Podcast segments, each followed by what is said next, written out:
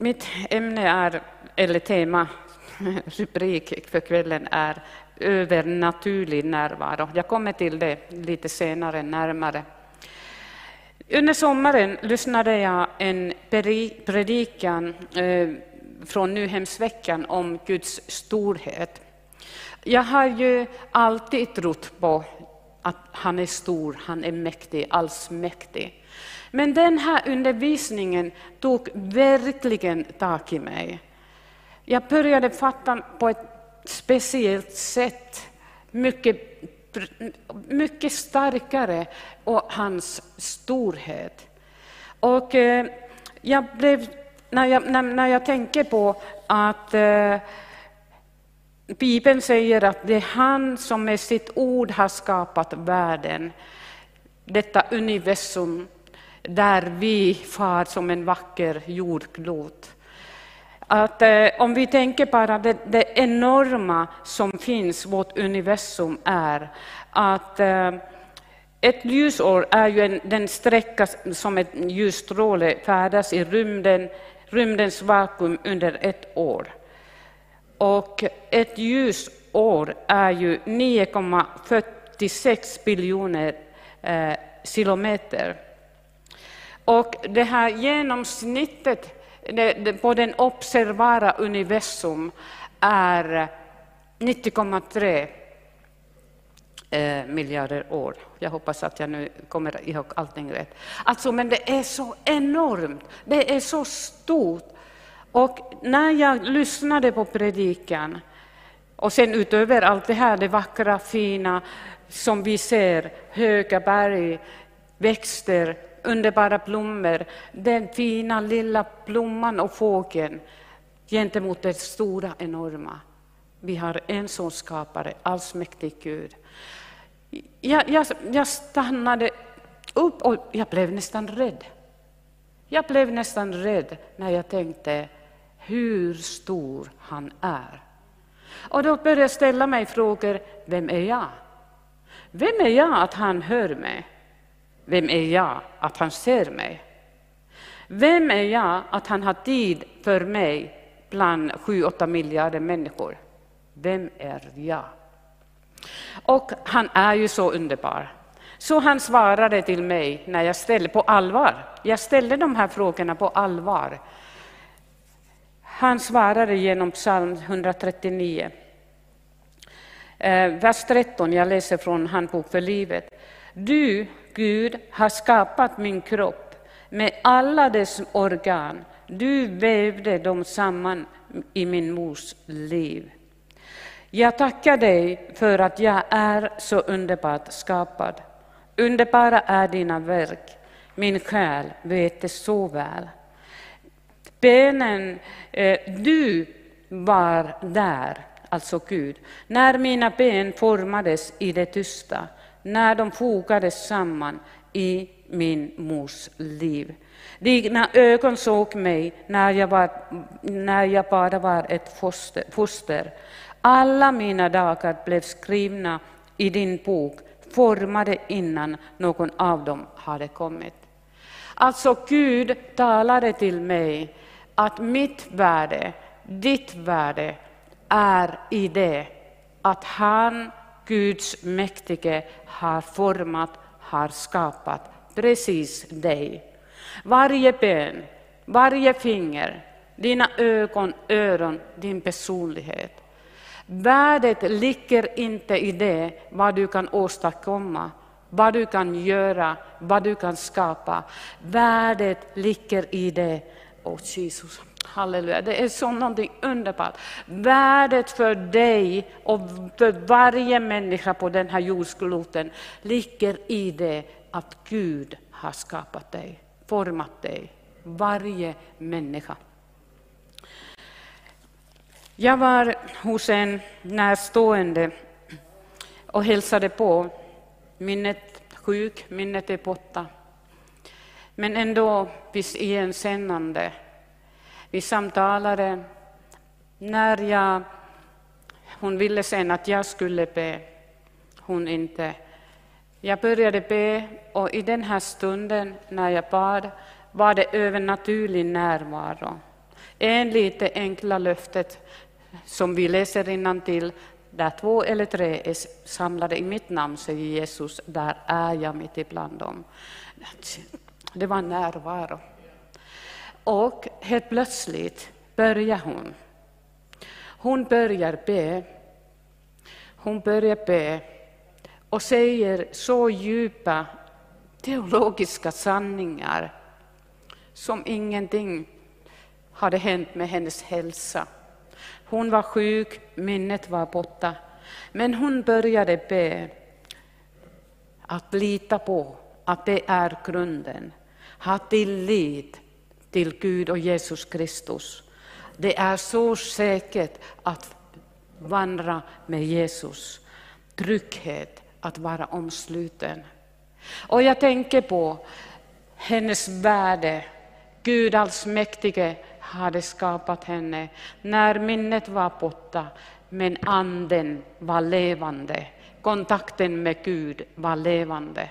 Och om jag tänker att du kanske är sjuk hemma, du har krämpor, du orkar inte så mycket. Du kanske tänker på att jag är värdelös, det är inget värde med mitt liv längre. Nej men se, Jesus är ju hos dig i denna stund detta övernaturliga närvaro. För att nu har vi gemenskapen via online. Du är, fast du är ensam, är du ensam. Vi är tillsammans på grund av omständigheter. Och då ska du veta att när du är sjuk är du så värdefull.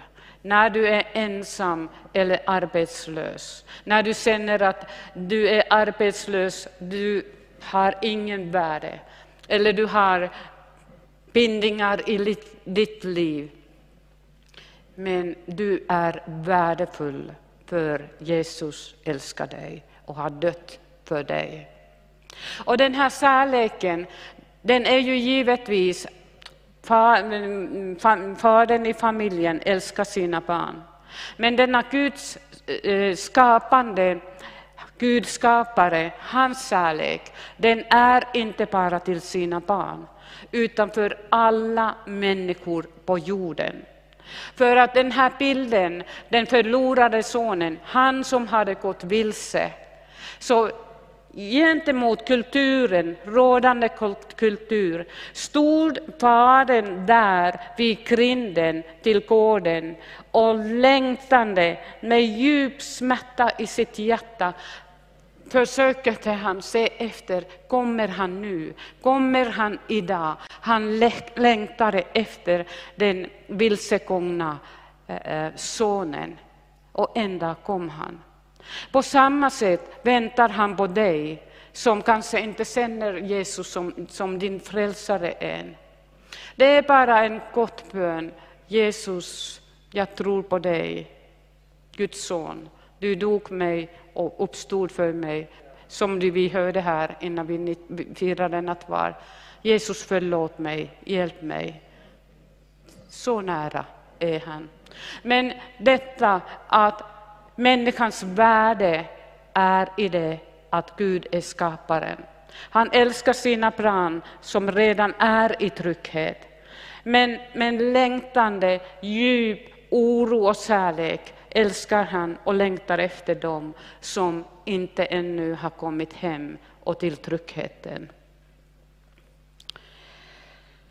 Markus evangelium 16 eh, kapitel är en beskrivning när den, när den, eh, om, om en övernaturlig närvaro. För att detta, när jag tjatar om övernaturlig närvaro, det är det ju att han dog och han uppstod och han lever idag. Det är vår Jesus det. Det hans övernaturliga närvaro är konkret. Det är sant. Och eh, nu hade ju Jesus dött och han hade uppstått på första veckodagens morgon. Och han visade sig för Maria Magdalena som han hade befriat från sju onda andar. Och hon gick ju ivrig, jag kan bara tänka mig, möta Jesus, se honom. Och, och hur ivrig han var när hon sprang till de andra och berättade, han lever, han lever, han lever. Jag har mött honom.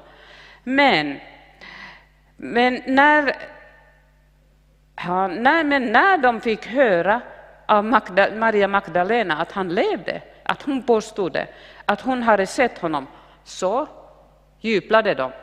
Icke. De trodde inte på honom. På dem. Eller på henne menar jag. De trodde inte på budskapet. Och sedan visade sig Jesus i en annan gestalt till Emmausvandrarna, som var, det var väl ungefär 12 kilometer från Jerusalem. De var på väg till Emmausbyn. Och de var sorgsna, de var jätteledsna, de pratade om just detta som tragiska som hade hänt, att man har korsfäst Jesus. Och sen ansluter en, en, en person, en man, till deras sällskap och började samtala. Och de berättar, är du den enda som inte har hört någon, det, hem, det hemska som hände i Jerusalem? De vandrar, går vidare, de känner inte igen att det var Jesus som gick bredvid dem. Och till slut, när han bröt brödet inne hos dem, när de ville bjuda honom kvällsvard, så sände de igen honom och då försvann Jesus. Och de här två vandrarna, lärjungar, de skyndade på en, på en och samma gång ivrigt tillbaka till Jerusalem och berättade att de, vi har sett Jesus. Vi, vi, vi, vi, vi, vi har sett Jesus, vi har mött honom, han lever, det är sant han lever. Nej, de trodde inte på dem heller.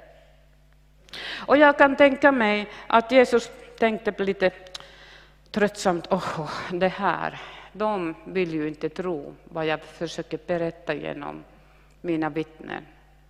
Glädjebudskapet om att jag lever. Till slut uppenbarade han sig för de elva kvarvarande.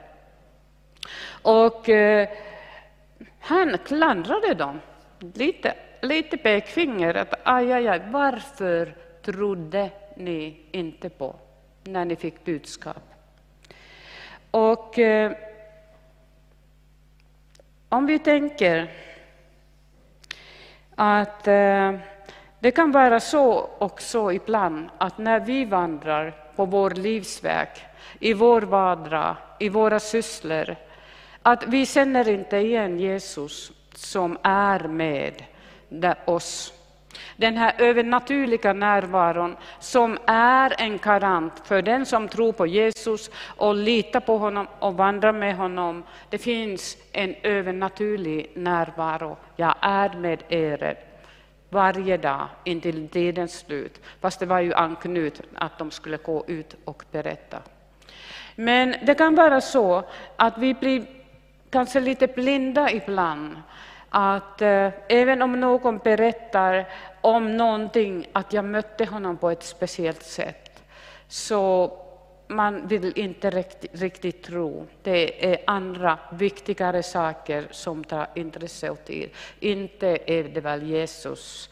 Han har viktig, väl viktigare saker för sig att visa sig eller komma och tala till oss. Det finns ingen viktigare sak för Jesus än du. Och därför tror jag att det är mycket viktigt att när vi går med Jesus, att eh, vandra vår livsväg, att vi berättar, att vi vittnar för varandra. Jag såg Jesus. Vi ser ju inte honom eh, med våra fysiska ögon, men vi ser honom med våra andliga ögon. Vi kan erfara hans närvaro. Vi kan erfara hans närvaro och hjälp olika händelser när vi får bönesvar. Men jag tror att det är viktigt att det blir helt naturligt att till exempel en onsdagkväll eller en söndagsgudstjänst, några, alla ivriga vill komma och säga, får jag berätta, jag, träff, jag mötte Jesus. Ni förstår vad jag menar. Att man kan vi möter honom genom ordet, genom bönesvar, ja, olika saker. Han har ju så många olika sätt att tala till oss. Ehm, för mig, den omusikaliske, har Gud och Jesus envisats att börja tala genom sånger som börjar de låter jättehärligt inne i mitt huvud, men det låter inte härligt när jag sjunger. Men ändå har han så många gånger talat genom sånger, till exempel. Men att vi vittnar för varandra och inspirerar och Um, um, aha, nu är ett ord borta. Men att vi inspirerar varandra uh, med det när jag berättar, jag mötte Jesus, han sa det här till mig, han hjälpte mig på det här sättet. Tänk vad jag såg en helt ny, ny sida av Jesus, hur underbar han är. Viktigt att vi undervisar, eller nej, vittnar för varandra. Men till slut, Matteus, eh, Markus 15 och 20. Och han sade, Jesus, till dem, gå ut i hela världen och förkunna evangeliet för hela skapelsen. Den som tror och blir döpt ska bli frälst, men den som inte tror ska bli fördömd. Det, ibland är vi kanske lite nästan för försiktiga när vi tänker att vi vågar, inte vågar säga himmel och helvete. Att det finns så starkt eh, budskap i Bibeln bara genom Jesus, att det finns ett hemskt ställe som han vill beskydda oss att hamna i. Jag tror att om, vi, om en förälder eller, eller, eller om vi ser en bil som håller på att köra, till exempel mot en bro och den har raserat, att det är stupet som väntar. Vi gör ju all, i, all, i all vår makt gör vi någonting för att förhindra och när vi tänker att Bibeln säger så starkt att det finns bara två vägar ut ur världen, så vi måste varna. Vi måste varna, annars kommer han ju kräva deras blod ur våra händer om vi inte varnar människor om att hur viktigt det är att acceptera Guds kärleksbud om Jesus Kristus som har dött och uppstått för alla människors synder. Att man kan få förlåtelse för sina synder. Jag kommer att tänka på en person, en ung man eh, på torget, när han bara när vi satt tre personer och samtalade och så kommer han och sätter sig på, får jag ställa en fråga? Absolut. Om jag, om, jag, om jag gör så här och sen blundar hemma och säger Jesus förlåt det dumma som jag har gjort, får jag förlåtelse?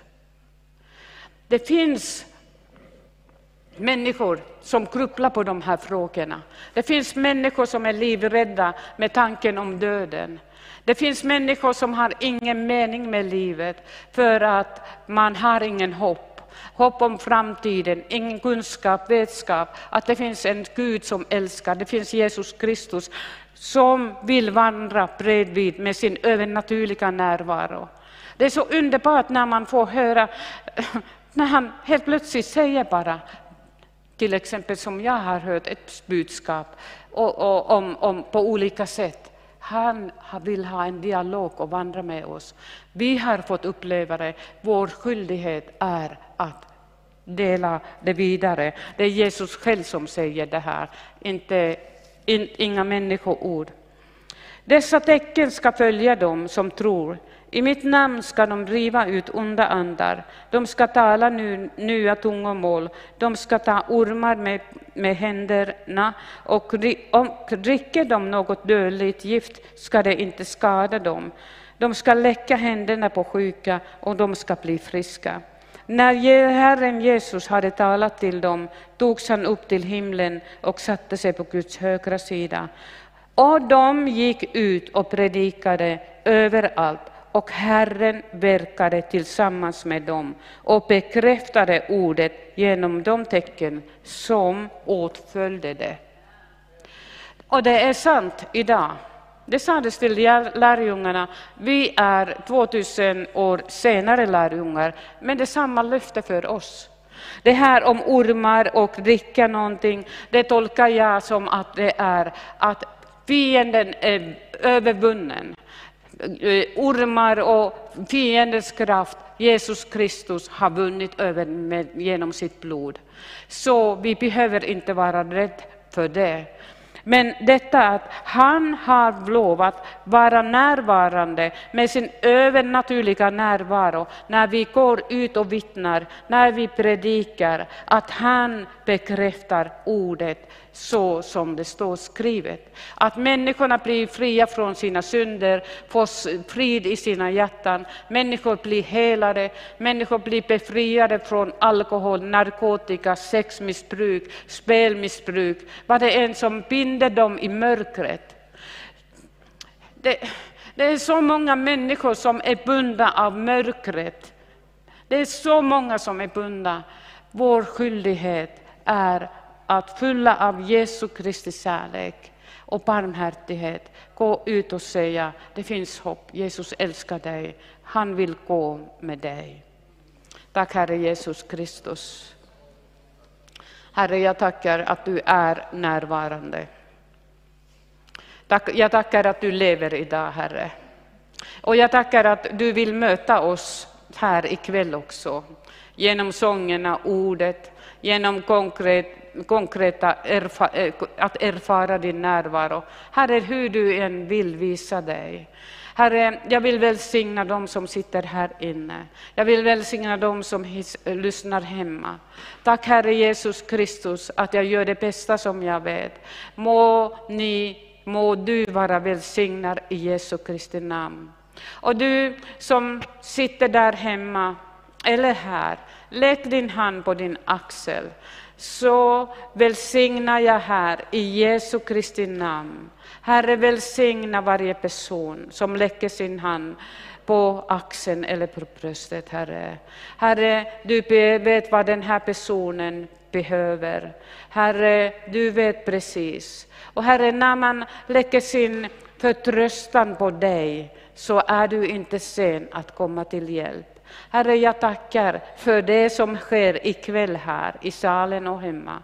Herre, jag, du som är levande, tack Herre att du hör en svag viskning och du kommer och välsignar.